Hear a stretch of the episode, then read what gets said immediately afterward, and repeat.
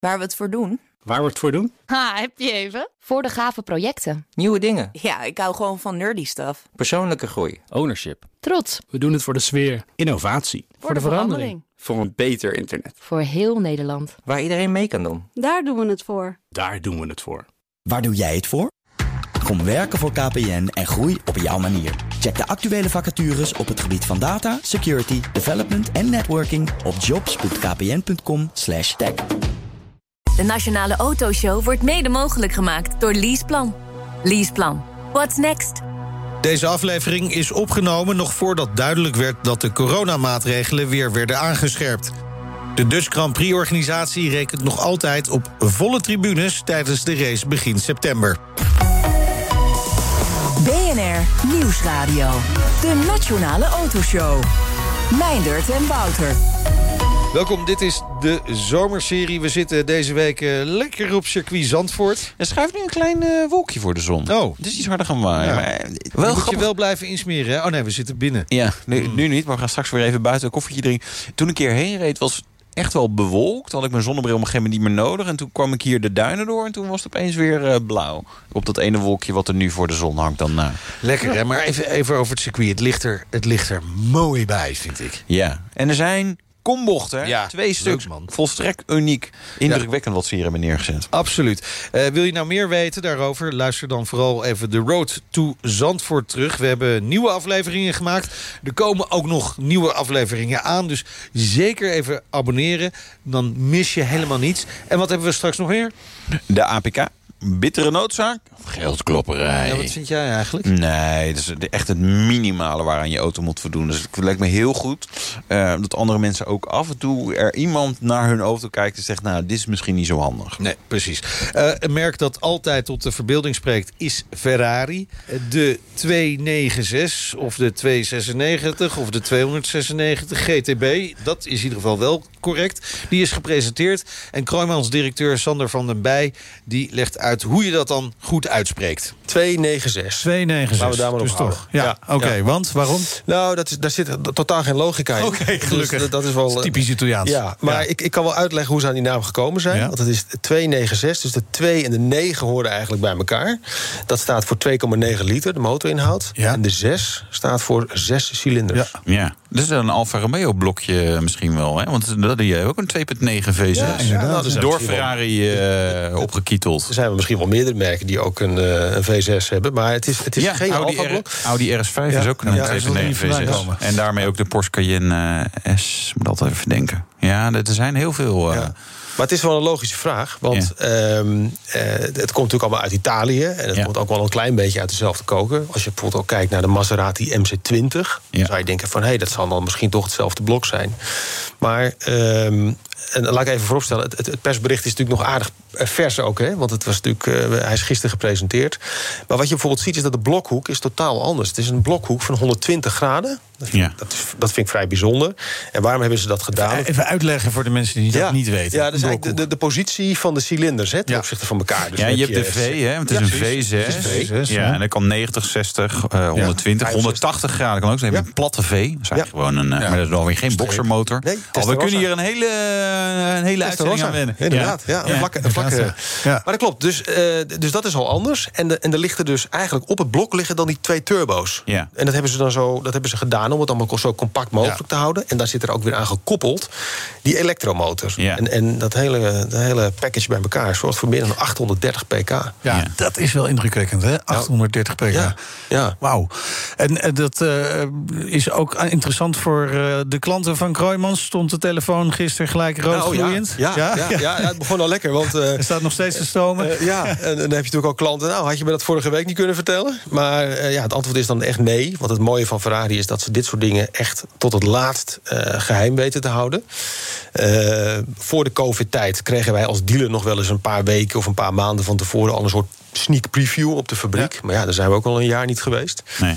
Dus voor ons was het ook uh, een aangename verrassing. Maar we zijn er erg blij mee. Want het is, uh, wat, wat Ferrari ook zegt in de aankondiging van de auto... fun to drive.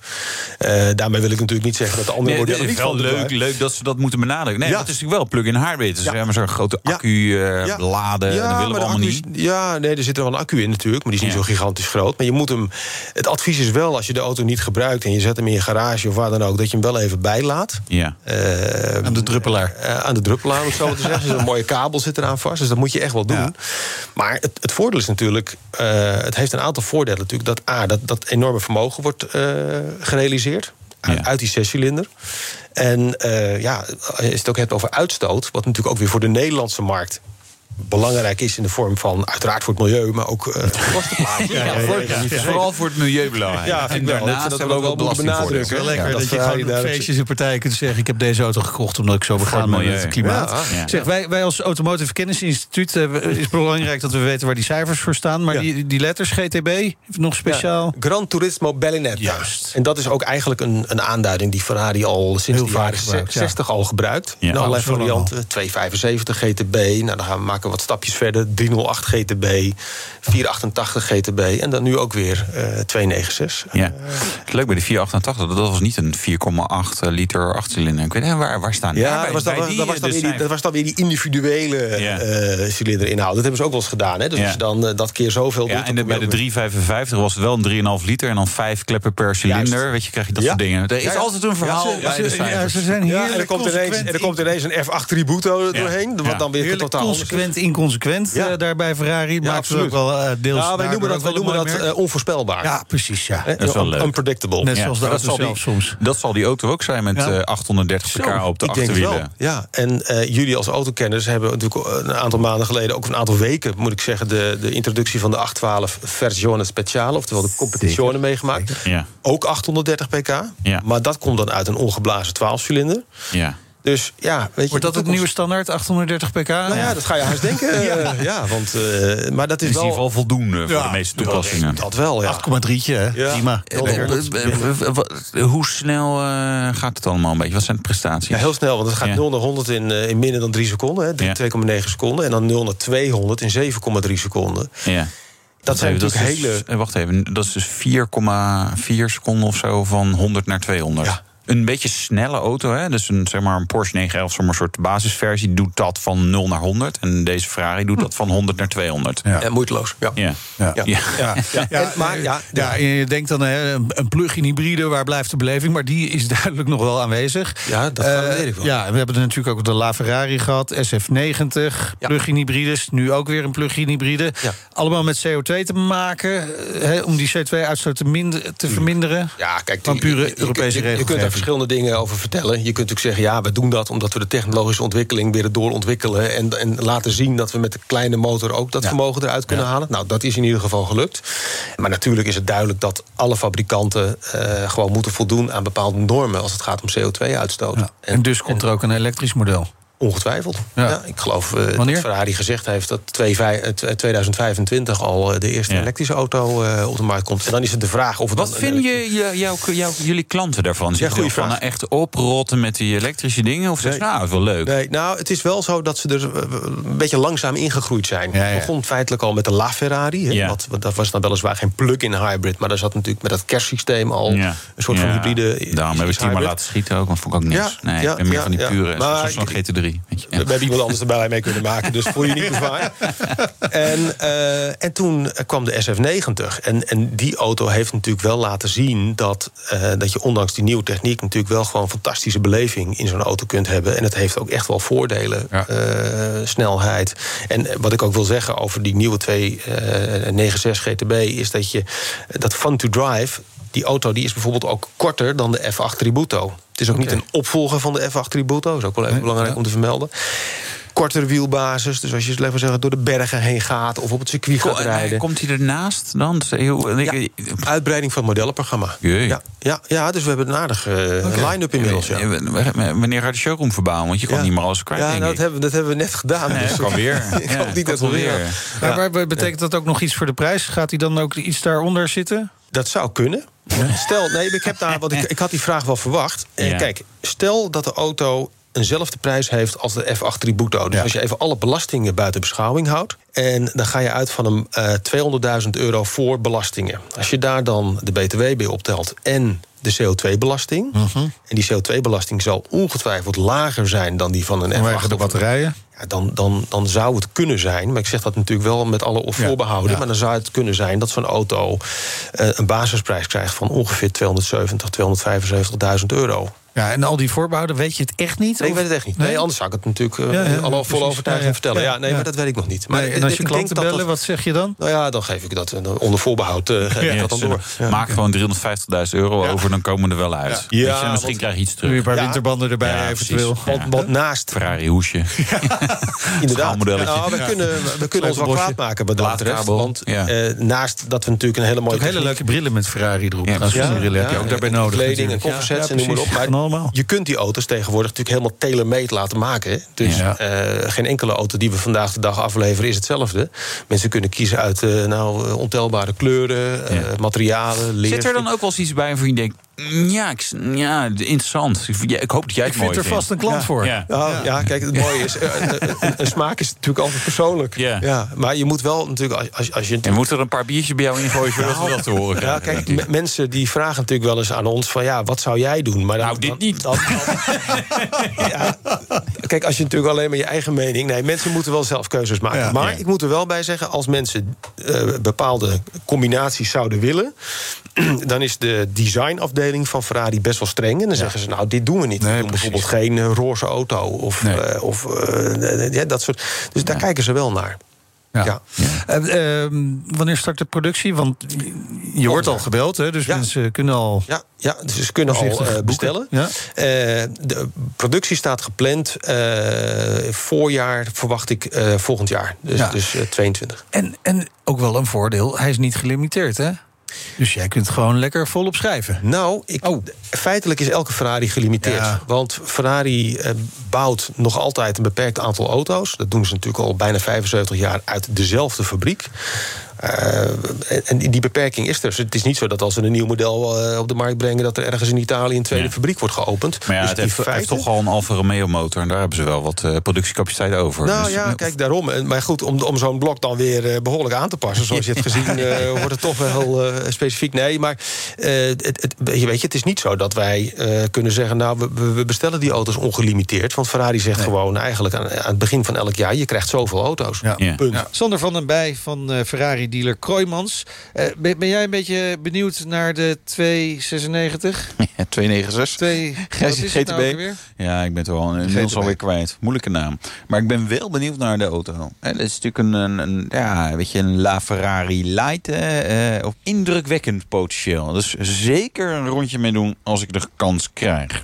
De Nationale Autoshow. Is de APK bittere noodzaak of toch geldklopperij? Dat is een eh, discussie die al heel lang gevoerd wordt. Dat zegt Paul Dietz, manager toezicht en beoordeling bij de RDW. Eigenlijk vanaf de oprichting van de APK is dat al de, Al de- de 35 hamvraag jaar. geweest. Ja. Eh, Er zijn heel veel evaluaties geweest. We hebben nu eh, meer ervaring, inderdaad. Ja, en daar komt toch steeds uit dat er, de mensen het op zich prettig vinden. Dat er nog een keer onafhankelijk naar een auto wordt gekeken. Ja, en, maar dat, dat is niet helemaal een antwoord op mijn vraag. Nee, snap ik. Mensen vinden het prettig, maar Ja. is het ook noodzakelijk? Nou, we zien steeds meer toch uit onderzoek, ook in het buitenland, dat, je, dat er toch wel verkeersdoden te koppelen zijn nog steeds aan de techniek van auto's. Je kan zeggen, auto's worden steeds beter. Dat is natuurlijk zo. Ze roesten niet meer zomaar door. Eh, maar een gladde band, een kapotte remslang of eh, ja, allerlei andere hardwareachtige dingen, die gaan nog steeds stuk. En dan is het toch fijn dat er nog even daar goed naar gekeken wordt. Was het zoveel slechter toen we geen APK-keuring hadden? Was, er echt kijk, onfijn? jullie zijn, volgens mij zijn we allemaal een beetje van dezelfde generatie. Maar het wrak van de weg Ja. lijkt kieskeurig. Ja, dat kan ik me wel herinneren. Zo'n ja. agent met een grote snor die dan eh, Ja. Heel bedroefd keek naar een, eh, ja. een, een Fiat Panda met een enorm gat in de bodem of zo. Die auto's zijn er natuurlijk allemaal niet meer. Nee. En eh, dat was toen echt heel hard nodig. En er is toen ook een enorme piek gekomen in. eh, mensen brachten gewoon een auto naar de sloop in plaats van naar de APK. Omdat dat toen eh, was. Dat is natuurlijk nu niet meer. Maar we zaten toen ook in een tijd van volgens mij rond de 3000 verkeersdoden. Ja. Terwijl het er nu 600, 700 zijn. Nou, daar zie je toch dat daar ergens moet er wel een correlatie zijn. Ja, precies. Je- Ja. Nou ja, je zou misschien zelfs helemaal kunnen uitrekenen hoeveel verkeersdoden de APK heeft geschild. Ja, we zien dus uit, uit onderzoek van, uh, van landen waar dat nu nog wordt ingevoerd, maar dan, dat zijn vaak toch wel wel exotische landen, dat ze dat echt kunnen benoemen en dat het dan ook uh, significant is. Dus ja, nou ja, ik geloof er nog steeds in. Oké, okay. uh, okay. ik denk ik ook wel, Wouter, toch? Ja, nee, zeker. Nee, weet je, eh, je ziet nog steeds wel auto's rijden van denk ja, die heeft waarschijnlijk vorig jaar net de APK gehaald, maar wat ze nu, hè, nu, nu rijdt het rond. Ik denk niet dat hij hem nu zou halen. Dus ik, ik, ik ben daar wel uh, voor. Sterker, eigenlijk zou ik gewoon willen onafhankelijke keuringsinstanties. Echt gewoon wat, wat strenger. Dat je echt gewoon weet, dit is gewoon goed. Dat was de overweging uh, destijds. Hè. Daar hebben ze het, uh, tussen 1963 en 83 of zo over gedimdamd in de politiek. En uiteindelijk hebben wij dan nu een systeem in Nederland dat je eigenlijk bij de garage om de hoek terecht kan. We hebben ongeveer 10.000 garages waar het kan. De meeste andere landen hebben instituten zoals TUF of DECRA of, uh, of overheid zelf die dat doen toch zie je uit kwaliteitsmetingen dat we eigenlijk in Nederland best wel bovenin de uh, range zitten van hoe, hoeveel slechte auto's er hier rondrijden. Dus het systeem wat we hebben, dat heeft misschien wel wat nadelen. Of soms heb je misschien iets van partijdigheid of zo. Maar onder de streep uh, nou ja, is, is het nog steeds werkt okay. toch wel goed. Ja, maar met wie vergelijk je dan? Vergelijk met Bulg Bulgarije, nee, gewoon met Duitsland België. ja. Nee, echt ja. wel gewoon de, de, uh, ja, de landen om ons heen die ook nou ja, min okay. of meer hetzelfde. We, we, doen het dus relatief goed. Ja, we moeten het wel iedere keer uitleggen, ook ja. in Europa, dat wij dit systeem hebben. Ja. En dat we dat we heel willen houden. Maar goed, dan zoeken we die cijfers weer op. En dan blijkt het eigenlijk allemaal weer boven verwachting goed te zijn. Hoeveel APK-keuringen worden er in een jaar uitgevoerd? We zitten volgens mij op ongeveer 7,5 miljoen uh, APK-keuringen. En uh, dat zijn er een heleboel. Dus die zijn net tientallen miljoenen uh, zijn er geweest. Maar ja. als je een snel rekensommetje komt al gauw op 100, 150 miljoen in die 35 jaar uit. Zo.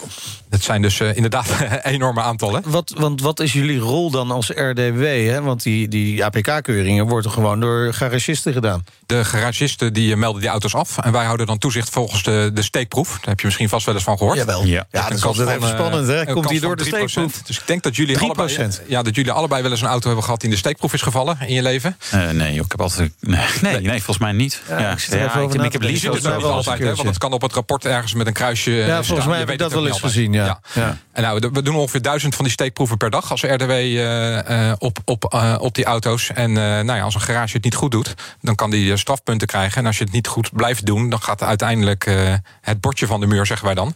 Oh, ja. Dan krijg je dus een straf. dat kan betekenen dat je een aantal weken bijvoorbeeld niet mag keuren. Maar hoe streng zijn jullie daarin dan? Nou, we zien dat ongeveer 95% van de keuringen goed gebeurt. Maar dus van 5, 6% ongeveer niet. En dat gebeurt toch wel een, een paar honderd keer per jaar dat je zo'n sanctie moet uitdelen aan garages. Nou, we doen dat ook steeds meer risicogestuurd. Dus het idee is dat je de gemiddelde garage die het gewoon goed doet, zoveel mogelijk met rust laat. En degene die een ander verdienmodel heeft, zou ik maar ja, zeggen, ja. Uh, dat, die, uh, dat je daar vaker langskomt. En uh, dat kan soms zijn dat je één keer in de week langskomt, of één keer in de twee weken, soms twee keer of drie keer op een dag.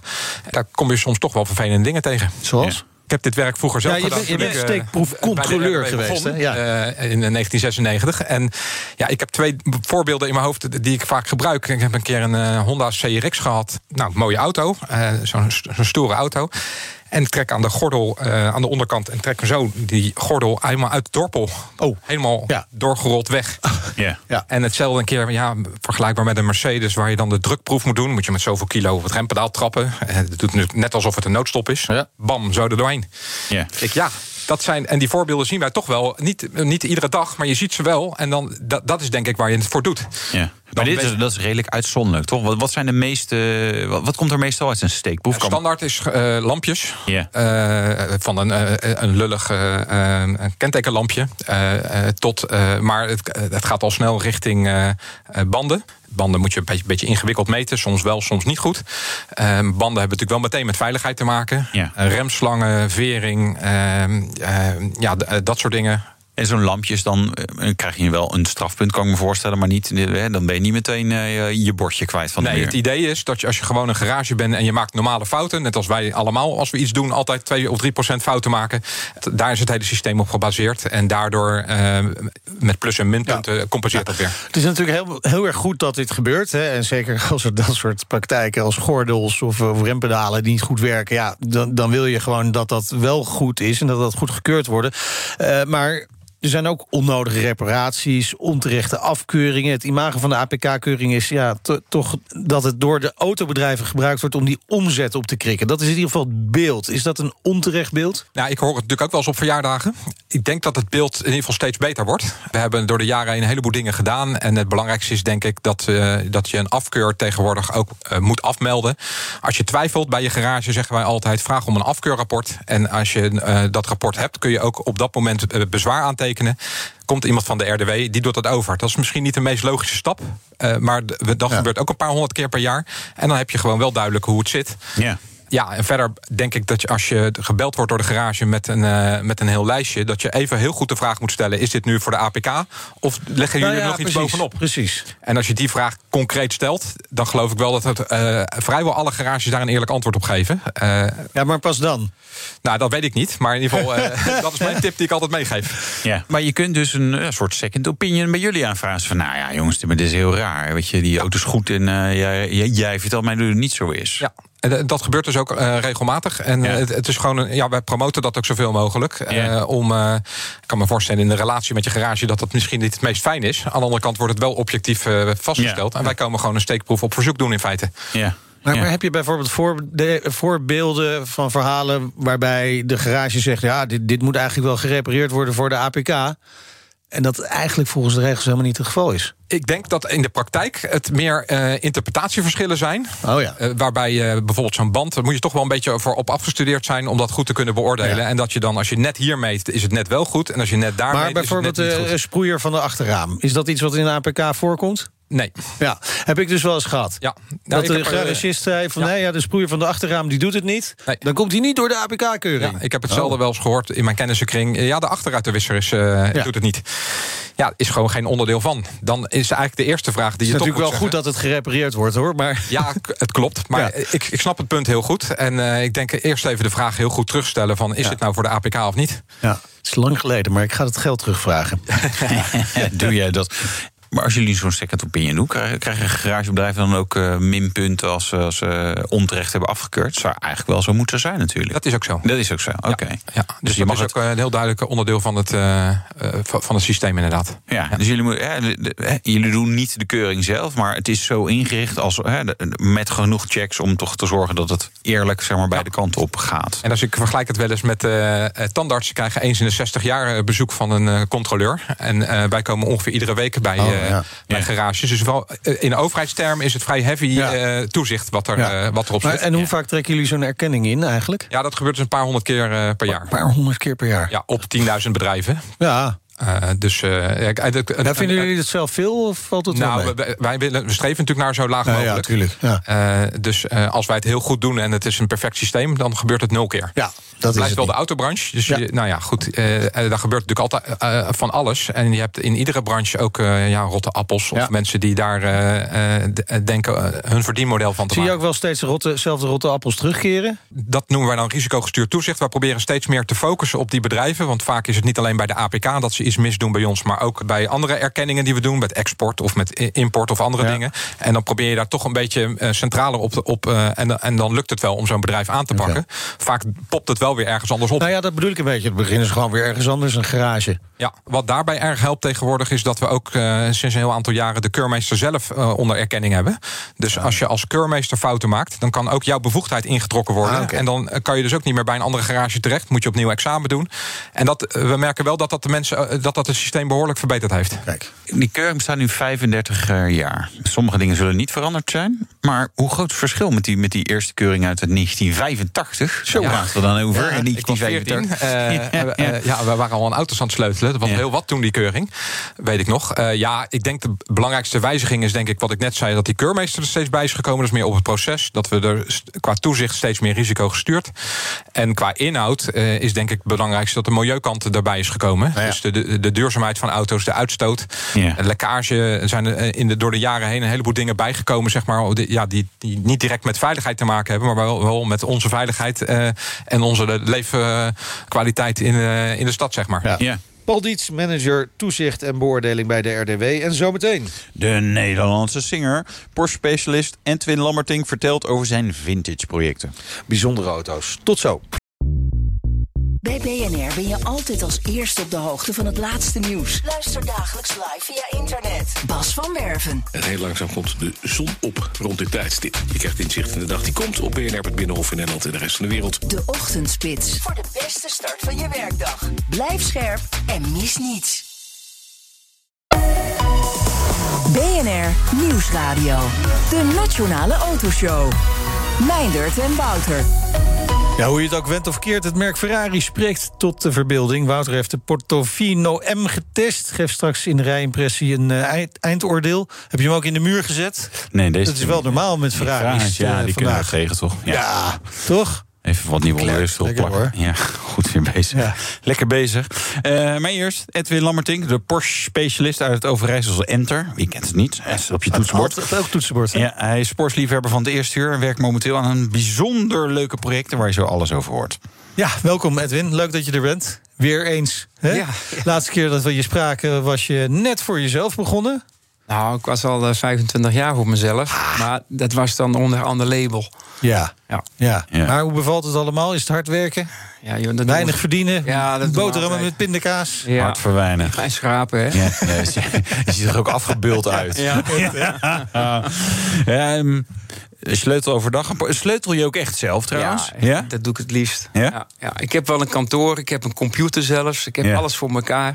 De fax die doet het nog. waar? Ja, ja. Wow. maar ik gebruik het niet meer. Nee, nee ik maar gewoon zelf? Ja, beneden op de werkvloer met de jongens. Ja. Dat vind ik het mooist. Waarom is dat zo mooi dan?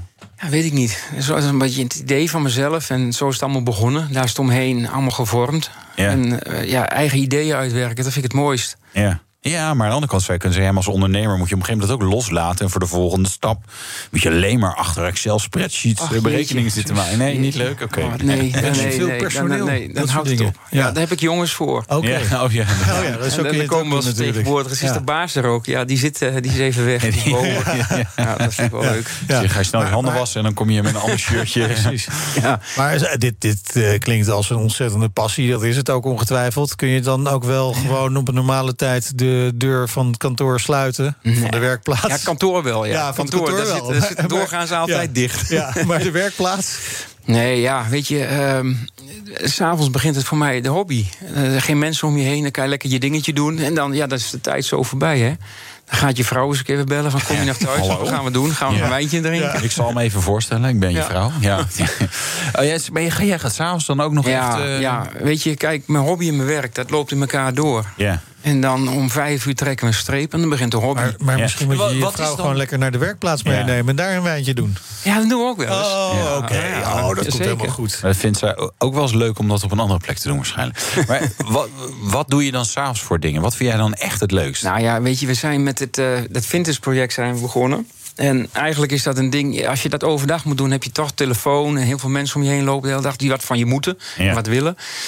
En dan, uh, dan zeg ik altijd, ga lekker epimereren. Dat heeft ooit Simon Camicheltus bedacht. En uh, geeft er maar een invulling aan. Maar epibereren is voor mij... Ja, dan ga ik, heel druk doen met niks. Ja, is precies. Dat. Ja, ja, kennen hem thuis. Ja, ja. ja, zeker. Dan ga ik uh, dingen bedenken. En dan doe ik in mijn Willy Wortelhok. En dan ga ik uh, dit soort creaties ga ik mee bezig. Ja. Maar met name, kijk, je ziet, je ziet plaatjes. En plaatjes zijn mooi. Maar onder die plaatjes zit natuurlijk een heel stuk techniek. En ja. dat is niet zomaar gemaakt. En daar moet je echt even je kop bij hebben. En met name met die motoren, die versnellingsbak... hoe je het allemaal gaat uh, uitdenken en uitdokteren. Daar ben je wel even mee bezig. Ja. Nou, wat valt er dan uit te door? Want zou ik zeggen, joh, Porsche heeft hartstikke al. veel versnellingsbakken en motoren. En dan, en dan komt er ik, iemand uit Enter die zegt, nou, en ik zeg, kan beter. en ik wil het anders. nee, joh, dan, ja, versnellingsbakverhoudingen. We zijn met die motoren bezig. Als je bijvoorbeeld uh, standaard is zo'n ding tot 3,6 liter gekomen. En dat kan je ook gewoon kiezen, dat is helemaal geen probleem. Uh, alleen, ja, wij vinden die 4 liter ook wel interessant. Ja. En die is er niet geweest, nooit. Luchtgekoelde 4 liters hebben nooit bestaan. Nee. En ja, die moet je dan bedenken. Ja. En dat is niet zomaar even een zuigertje erin, boortje erdoor. Dat gaat niet. Nee. Dus we doen ook nog iets met boring. Ja. En we doen iets met slag. Dus een andere krukkas, andere drijfstang heb je benodigd. En dat soort dingetjes. En dan moet je uitdenken. Ja, dat is best wel uh, intensief. En dat vind ik best wel gaaf om te doen allemaal. Maar ja, dat doe je dan wel eens s'avonds. Dat is één. En twee natuurlijk, ik heb zelf ook uh, een hele collectie... zo langzamerhand opgebouwd. En uh, ja, dat gaat ook niet vanzelf. En dat doe ik dan ook maar eens een keer s'avonds. Ja. ja. Maar, maar oké, okay, maar dit gaat over dat, dat hele vintage... Ja project. Het ja. Lammertink Vintage. Vintage. Vintage. Ja. Uh, uit Enter. En uh, dat ziet er schitterend uit. Maar ik denk, ja, dit, dit bestaat ook wel een beetje. Hè? We hadden het al over. Het is gewoon Singer. Nou ja, het lijkt er wel op. Ja, het lijkt er wel op, ja. ja, ja. Wat is het verschil? Uh, sowieso prijs natuurlijk. En ik denk, ja, weet je, het is niet veel anders dan wat wij doen. Of dat, ja. Het is, de, Alleen de, arbeidskosten in Enter liggen wat lager. of, uh, wat zijn lage lonenlanden. Ja, ja. nee, ik hoor dat die, die oprichter die werkt ook gewoon s'avonds. En die krijgt gewoon maar voor 40 ja, euro. Ja, dus allemaal en zo, weet je wel. Nee, het, het, is ook carbon. waar wij, de broodjes, hè, dat soort dingen. ja. Nee, de, doe even dus... De, de, want wij zien hier mooie plaatjes van... De experience.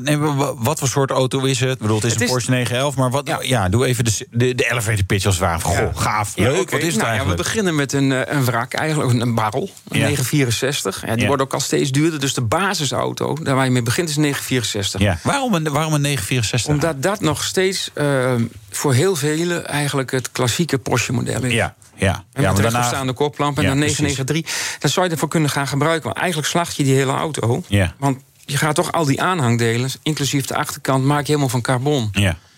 En uh, een 964, die voorbouw is natuurlijk heel anders.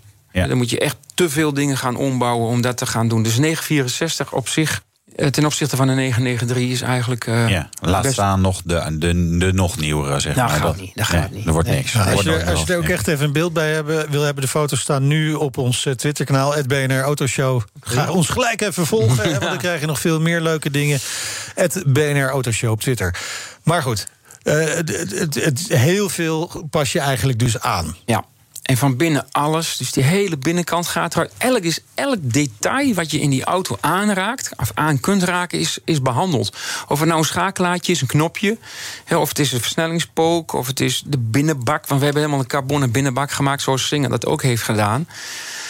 Daar kan je alle sausjes overheen gieten van maar leer. Is het origineel niet goed genoeg dan? Ja, weet je, het is nu weer helemaal hot om uh, te gaan. Uh, ja, restomod. Dat is, dat, ja. is, dat, is, dat is nu weer helemaal. Uh, ja, ja, vul het maar in. Hot. Ja. Hype. Ja, waarom is dat? Begrijp jij het? Ja, wel een beetje. Ik denk dat retro. In zijn totale hoedanigheid helemaal hot is op dit moment. Ja. Dus we willen toch iets hebben wat van vroeger, wat mooi is. Ja, maar koop dan, gewoon, koop dan gewoon een oude 911, denk ik dan. Ja, die hebben we toch al? Ja. Die heb je al in je schuur staan. Dus Precies. het is de overtreffende trap. Dit is iets waar maar één van is. Ja. Jij wil je onderscheiden, dus jij koopt zo'n auto... en jij kan hem helemaal maken zoals jij het wil. Ja, is en het echt is, alles mogelijk? Alles is binnen de lijntjes van het model. Okay. Kan je eigenlijk uh, als alles ik met een trekhaak aankom, dan uh, duw je de deur dicht. Nee, als je wat? Een? Met een trekhaak. Uh, dat wordt een beetje lastig. Ja. Nou, ja, de, nou, uit de jaren 70, 911 en de jaren 60... zeker wel mijn trekhaak ja, leefbaar geweest. Ja, ik, heb, ik heb het één keer gezien. Dat ziet er heel stom uit. Ja. Nou, ik vind het wel leuk. Ik vind het wel mooie uitdaging. uh, maar eigenlijk is het. Je, je hebt dus zeg maar, de klassieke looks met uh, ja, ver, vergaand verbeterde techniek. Ja. Zo moet je dat eigenlijk ja, denken. Eigenlijk modern. En de 964 heeft natuurlijk ook al alle veiligheidsdingen als ABS, airconditioning, hydraulische koppeling, het ding verschakeld, verzoenlijk. Uh, ja. Dat soort dingetjes allemaal. Ja. Dus eigenlijk, daar zit alles al in. En dan gaan wij dan helemaal aanpassen. Ja. Dus eigenlijk, je herkent het niet terug. Ook als je kijkt bijvoorbeeld naar het dashboard. Uh, wij hebben daar tellers voor gemaakt met de looks van de 65er. Ja. Het is een chroomrandje met de groene cijfertjes erin. Ja. Dat hebben ze twee jaar gehad. Ik zie je helemaal heel op, opleven. Ja, dus, ja, het, is, het is wel heel gaaf. Eh, een motortje, zei je, hij gaat naar 4 liter. Ja. Het is normaal 3,6, hè? Nee, ja, 3,6. Ja, luchtgekoeld natuurlijk, daar ja. blijven we bij. Ja. En dan 4 liter, nou, gigakoppel zo'n ding. En ja. we hebben dan die motor ook zelf ontwikkeld. Maar ook alles wat erop staat. Dus throttlebodies en dergelijke. Dus de gasklepjes en zo. Het inlaatspruitstuk hebben we zo gedaan. Hele uitlaatsysteem zelf laten uh, maken van uh, Inconel natuurlijk. Ja. Allemaal, allemaal materiaal uit de racerij. Want eigenlijk de DNA, onze DNA, ligt in die racerij. Dat is ook de naam. Dus de vintage, die kan je dus kiezen. En dan niet zoals Singer het heeft gedaan in, in, een, in een stadsnaam. Uh, we hebben in ja. Nederland de Singer Amsterdam gehad. Ja. En dan heb je New York en ga zo maar door. Wij hebben het gedaan omdat onze DNA in de racerij zit. Hebben wij circuits. Ah, en dus porno. Dat is gaaf. Ja. Maar ja. Dus, dus uh, Monza, Silverstone, ja, Zandvoort. Ja, Zandvoort. Assen. Ja, Assen ook nog. Ja. Ja. Mooi man. Die is nog vrij trouwens. Nog vrij. Oh, nee. Maar de Le Mans die is weg. Dat is voor onszelf, dat is onze eigen demo. Maar kijk eens. Scheelt dat nog in de prijs trouwens? Welke circuitnaam ja, Het ligt het bordje wat erachterop komt. Hoe langer de naam natuurlijk. Oké, dus Assen, dat is wel een gunstige... Zandvoort is uh, lange naam. Assen is vrij gunstig. Die is gunstig, die is, die is goedkoper. Ja. 5,95 euro gaat dan ja, ja, maar, totale kosten voor een... Uh, ja, dat is heel vintage, moeilijk te zeggen. Weet je, vintage. Je stapt in. Hè, het is dus uh, wat jij wil. Als jij met een standaard motor en een standaard ja, okay. versnellingsbak en zo... dan begint het bij 275 ex-BTW. Ja. Oh, ja, dat mag niet. Wat is, wat is, dat is ongeveer... Oh, dat mag niet nee, meer. mag niet meer. Dan doen we er even 21 procent over. Maar dat is ongeveer, dat is, denk ik, wat is dat, de, de helft van, de, van wat ja. een Singer kost? Ja, dat klopt. Maar dat is even, ik denk oh. ook, als je kijkt hoe hun het uh, spelletje spelen... en wat wij eigenlijk doen op onze manier... ik denk qua techniek wijkt dat niet veel van elkaar af. En ik, nee. ik denk zeker niet qua kwaliteit. Alleen hebben een mega marketingmachine erachter zitten natuurlijk. Ja. Ja, en zij zijn terwijl, ook... terwijl je eigenlijk alleen maar één keer bij de autoshow hoeft te zijn natuurlijk. Ja, dan is het gelijk... Uh, ik ben benieuwd hoeveel orders ja, er binnenkomen. orders uit, uitdelen ja, ja, ja, nu. Ik word hem. Maar het is wel echt het is stevig geld, zeg. Maar dan kan je ook gewoon zeggen... nou, we gaan eens even shoppen aan een paar andere een moderne Porsche kopen. Ja, maar weet je, ja, dat, dat kan ook, maar daar kan je er gewoon honderd van kopen. En dit is er maar één. Hier is er maar echt één van. Het is gewoon zo uniek dat het jouw auto is. En die blijft de rest van je leven bij je. Klaar. Ja. Dat is het verhaal eigenlijk. Ja. En als je nou al de nieuwste Porsche hebt... en je hebt daar de, de, de varianten nog eens een keer van... Ja, eh, dit niet. Dit kan je niet kopen. Dit kan je laten maken. Ja. Maar wat is de magie dan van die klassieke Porsches? Want daar, daar grijp je ook een ja, beetje terug. Enorme aantrekkingskracht natuurlijk van wel eer. Nu is alles is plastic geworden. Ja. iPads in dashborden en Ja, al die zit er rare ook allemaal carbon in, hè? Ja, maar ja, er zit wel een uurwerk in. Hè? Ja, er zitten oké. wel echt klokken nog in. En, en een mechanisch klinkende motor. Ja. Hij is toch geweldig chroom en dat soort dingetjes. Dat vind je niet meer. Het is allemaal plastic geworden. Ja. Saai, simpel. Het moet er heel chic uitzien. Het is heel goedkoop als je er doorheen kijkt. Ja, dat is eigenlijk, dus- maar dit is helemaal andersom. Maar eh, hoor ik dan ook een beetje dat eh, Edwin niet helemaal meer fan is van het moderne Porsche? Ik ben super fan van de moderne Porsches. En zeker technieken. Alleen, ja, Volkswagen-derivaten en dergelijke... Dat, Ja. dat heeft toch iets minder aantrekkingskracht Nee, op mij. Macan is niet... eh, Ja, vind ik wel leuk. Cayenne? Ja, ook Ja. wel, best wel, eigenlijk best. Maar En ik ben van sport, maar... Ah. Moest je dat nou zeggen? Moet ik nog even moet ik aan wennen. Nee. Ik denk, laat ik het dan zo zeggen. Heb je daar het is niet alleen Porsche wat ik leuk vind natuurlijk. Want je moet ook.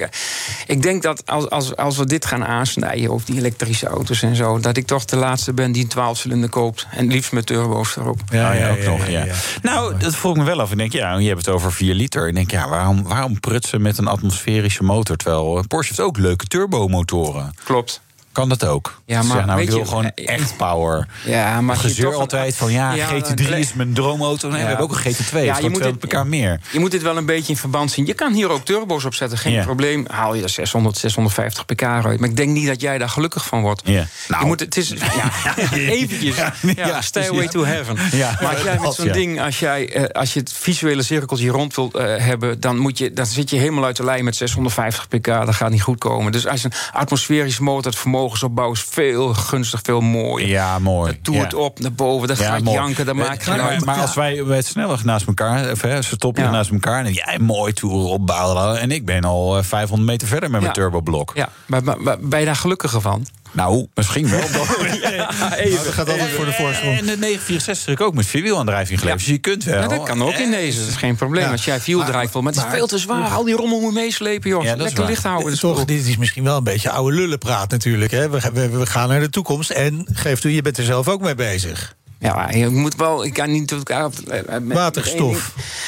Ja, dat is ook nog een projectje van mij. Ja, dat doe ik er ook nog even naast.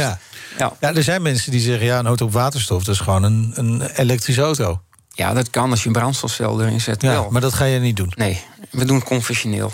Gewoon Dus denk, in de motor kijk, spuiten. Ja, het is niet dat ik dat, dat, ik dat echt dat ik dat dat ik dat, eh, dat dat moet. Maar het is meer een statement wat ik daarmee wil maken. Gewoon puur laten zien dat het kan. Maar Ja. ook laten zien dat het schoon is. Hè, en Maar dan toch niet te veel afbraak willen doen aan eigenlijk de oude technieken. Dus als je die achterklep openmaakt en je kijkt erin, zit nog steeds dat luchtgekoelde motortje erin. Ja. Maar Alleen- dan op waterstof? Ja, Gaat dat werken? ja gaat werken. Of werkt het al? Het werkt al. De eerste motor, dus dan hoor je iets van Eerste oer- motor hoor je. Dat is een oerknal. Een oerknal. En dan kan je de drijfstangen bij de buren gaan halen. Maar, maar het is wel. eh, ja, ik, ik, eh, ik- misschien komen wij later ook nog eens een keer zover dat we niet meer mogen rijden met deze oude autootjes. Ik weet het niet hoe gek wij met onze politiek zijn, hoe ver we doorslaan in deze flauwekul. Maar het zou kunnen. Flauwekul? Nou ja, goed. Ja, misschien wel. ja, ik ben van de, ik ben van de, van de Ja, 12 nee, maar goed, met die, die klassiekers die blijven toch wel rijden. Gewoon. het is cultureel erg goed. wordt dat zo weinig Ja, dat het ook niet blijft. echt een groot probleem gaat zijn. Nee, maar weet je, dus, ja, wat, wat rij je nou eh, eigenlijk dan per jaar met zo'n auto dan nog? Daarom. Je moet jezelf blijven trakteren op een ritje natuurlijk. En je moet het mooi blijven vinden. En je gaat, alles moet op groen staan voordat je echt gaat rijden met zo'n ding, vind ik. Ja, dat maar waar. dat zou kunnen. Met welke auto ben je eigenlijk nu hier? Ehm, en eh, ik heb een achtcilinder diesel bij me. Cayenne? Of nee, nee, nee. Ik, nog ik rij al eh, zelf twintig jaar lang in Range Rovers.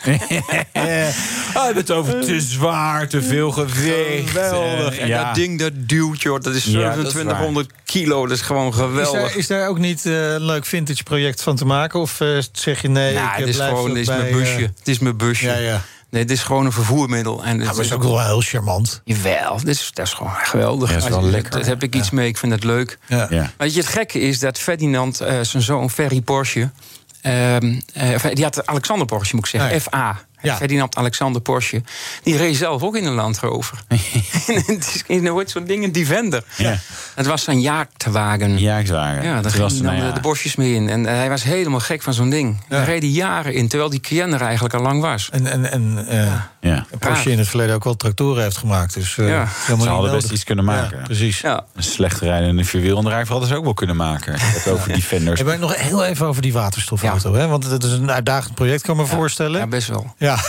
Wanneer, hoe ver ben je? Wanneer is die af? Nou, weet je, de technische oplossingen die heb ik allemaal wel klaar. Dat is Oké. het probleem niet. Alleen, je zit natuurlijk met, jouw eh, met jouw elektronische huishouding. Ja. Je moet het spul erin krijgen. Dat kan je op heel veel manieren kan je dat doen. Ja. Je kan het conventioneel doen, maar je kan het ook eh, direct gaan doen. Dus dat je direct gaat inspuiten in je cilinder. Nou, dat, Daar hebben wij voor gekozen om dat te gaan doen. Dus dat vergt toch, toch wel wat technische hobbels die we moeten overwinnen. Nou, het grootste gedeelte hebben we daarvan gehad natuurlijk. En je zit met waterstof in een motor eigenlijk die opgebouwd is om benzine Ja. eh, te verbranden. En daar moet je wat dingen aan doen. Eh, je krijgt natuurlijk condensatie van waterstof. Dat soort dingen als je de motor stil gaat zetten. Dus je moet met andere lekker. materialen, afdichtingsmaterialen werken. Nou, dat is ook allemaal niet zo moeilijk. Alleen stochiometrisch, dus de, de mengverhouding, dat is een heel ander vlak. Heb ik iemand gevonden met eh motormanagement systemen die mij daarmee kan helpen. Want dat is ook helemaal nieuw voor hun. Ja. En ja, dat is puur testen, proefondervindelijk vaststellen. Dat is wel een klusje hoor. Wel een klusje. Ja. Ik, eh, BMW heeft het gedaan, hè, met de Active Ja. Hybrid. Ja, eh, Ja, maar die deden, die deden de het Hybrid indirect. 7. Ja. De, de zeven, er was een, 7, een 12 cilinder waar Ja. ze dat mee deden. Waar heel weinig pk's Ik stel voor dat op het moment dat die af is, dat je weer langskomt. Of Ja. dat we bij jou Nou, langskomen. dan hoor je me wel langskomen, denk Ja, ik. enorme knal en dan is hij hier.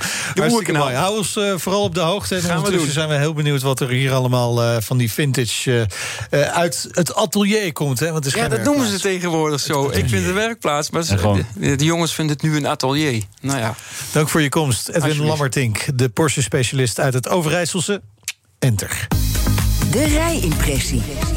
Ja, Wouter test de Portovino M van Ferrari. En welkom aan boord, zou ik bijna zeggen. Dak moet er eigenlijk af. Maar dat is misschien ook wel een beetje herrie voor de rijimpress. Dus ik laat het er nu even op. Maar ik zou dit rijdend kunnen doen in de Ferrari Portofino M. En de M staat voor Modificata. Ja, weet je, dat doen die Italianen toch gewoon leuker. Die namen, naamgeving, weet je. Ja, dat, dat straalt toch ook gewoon levensvreugde uit. Ehm, de Portofino opvolger feitelijk van de Ferrari California. Dus zeg maar eh, kleine 2 plus eh, Roadster, Spider. Ja, ik weet eigenlijk niet hoe welke naam ze er zelf op plakken. Die California werd opgevolgd door de Portofino. En de Portofino is nu zeg maar, ietsje strakker gemaakt in de Portofino Modificata. Eh, met een aantal leuke wijzigingen. Ehm, uiterlijk bijvoorbeeld ietsje strakker geworden. Eh, andere voorbumper. Vooral achter de diffuser is mooier geworden. Daar ga ik het stil over hebben. Want dan moet het namelijk ook over de technische wijzigingen hebben. Ehm, compleet nieuwe versnellingsbak die we kennen uit de Ferrari SF90 en de Roma. Ehm, dat zijn de andere twee nieuwste modellen natuurlijk van Ferrari. Niet meer een 7-traps automaatbak met dubbele koppeling, maar tegenwoordig 8 verzetten. En in tegenstelling tot de Ferrari SF90 ook nog een achteruitversnelling. Inderdaad, in de Ferrari SF90 heeft hij dat namelijk niet. Omdat het een plug-in hybride is, dus die kan elektrisch achteruit rijden. Elektromotor kan je gewoon een andere kant op laten draaien. En dan rijdt hij achteruit. Dus dat is makkelijk. Makkelijker dan een bak maken. Met een extra versnelling die hij feitelijk niet nodig heeft.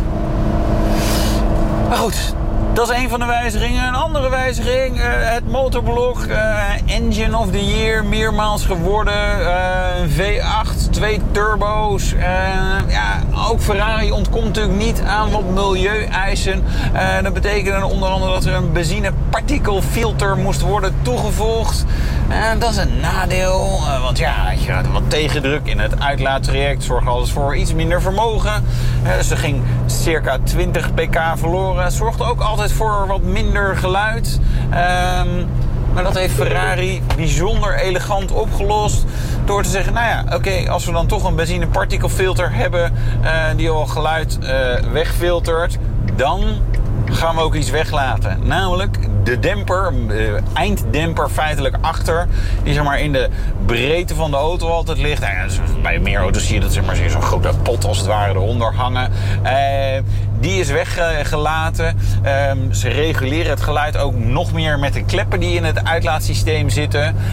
Um, uh, en dat betekent zeg maar. En weer wat gewicht teruggewonnen. Die je anders zeg maar, met die uh, OPF erbij zou, bij zou hebben gekregen. En het geluid is nou ja, toch gewoon weer lekker zoals het zou moeten horen.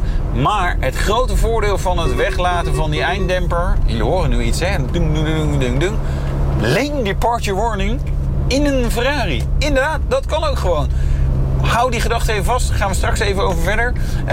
Um, want ik had het over die einddemper die verdween. En daardoor is er meer ruimte bij de achteras. Uh, eigenlijk bij de achterbumper moet ik zeggen. Uh, en die achterbumper is ook mooier geworden. De diffuser loopt mooier rondweg. Uh, ik had een Zoom call met de engineers, waaronder ook ontwerper. En die was daar echt heel blij. Zei, ja, ik kan er gewoon een mooiere vorm mee maken. En toen ik later naar de auto keek, dacht ik ook... Ja, hij heeft gewoon echt gelijk. Weet je, dit is niet geen onzin. Uh, daarmee was hij wel een van de weinige mensen die blij was met de komst van een benzine filter. Maar goed, dat geheel terzijde. Oh. Wout, zo hard mag hier niet. Ja, dit loopt zo snoeihard door. Ja, lekker hoor. De Ferrari Portofino M. Hebben, hebben, hebben. Ja, ja, weet je, ja, als je daar nog rijdt, denk je ja.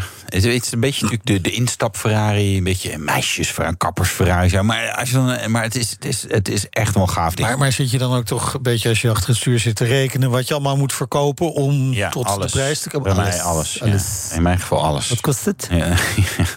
Vanaf 251.000 euro. Oh. Ja, je gaat altijd wat extra opties specificeren bij de Ferraris. Waar.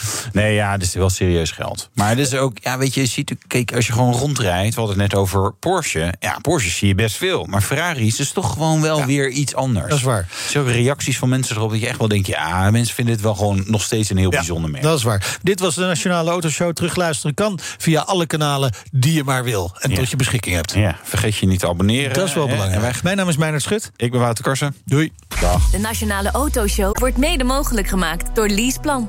Leaseplan. What's next? Ook Liesbeth Staats vind je in de BNR-app. Ja, heel handig. Luister live naar Kees en mij tijdens de Daily Move. Dan blijf je ook gelijk op de hoogte van breaking news en het laatste zakelijke nieuws. En daar vind je ook alle BNR-podcasts, waaronder de Perestrooikast. Download nu de gratis BNR-app en blijf scherp.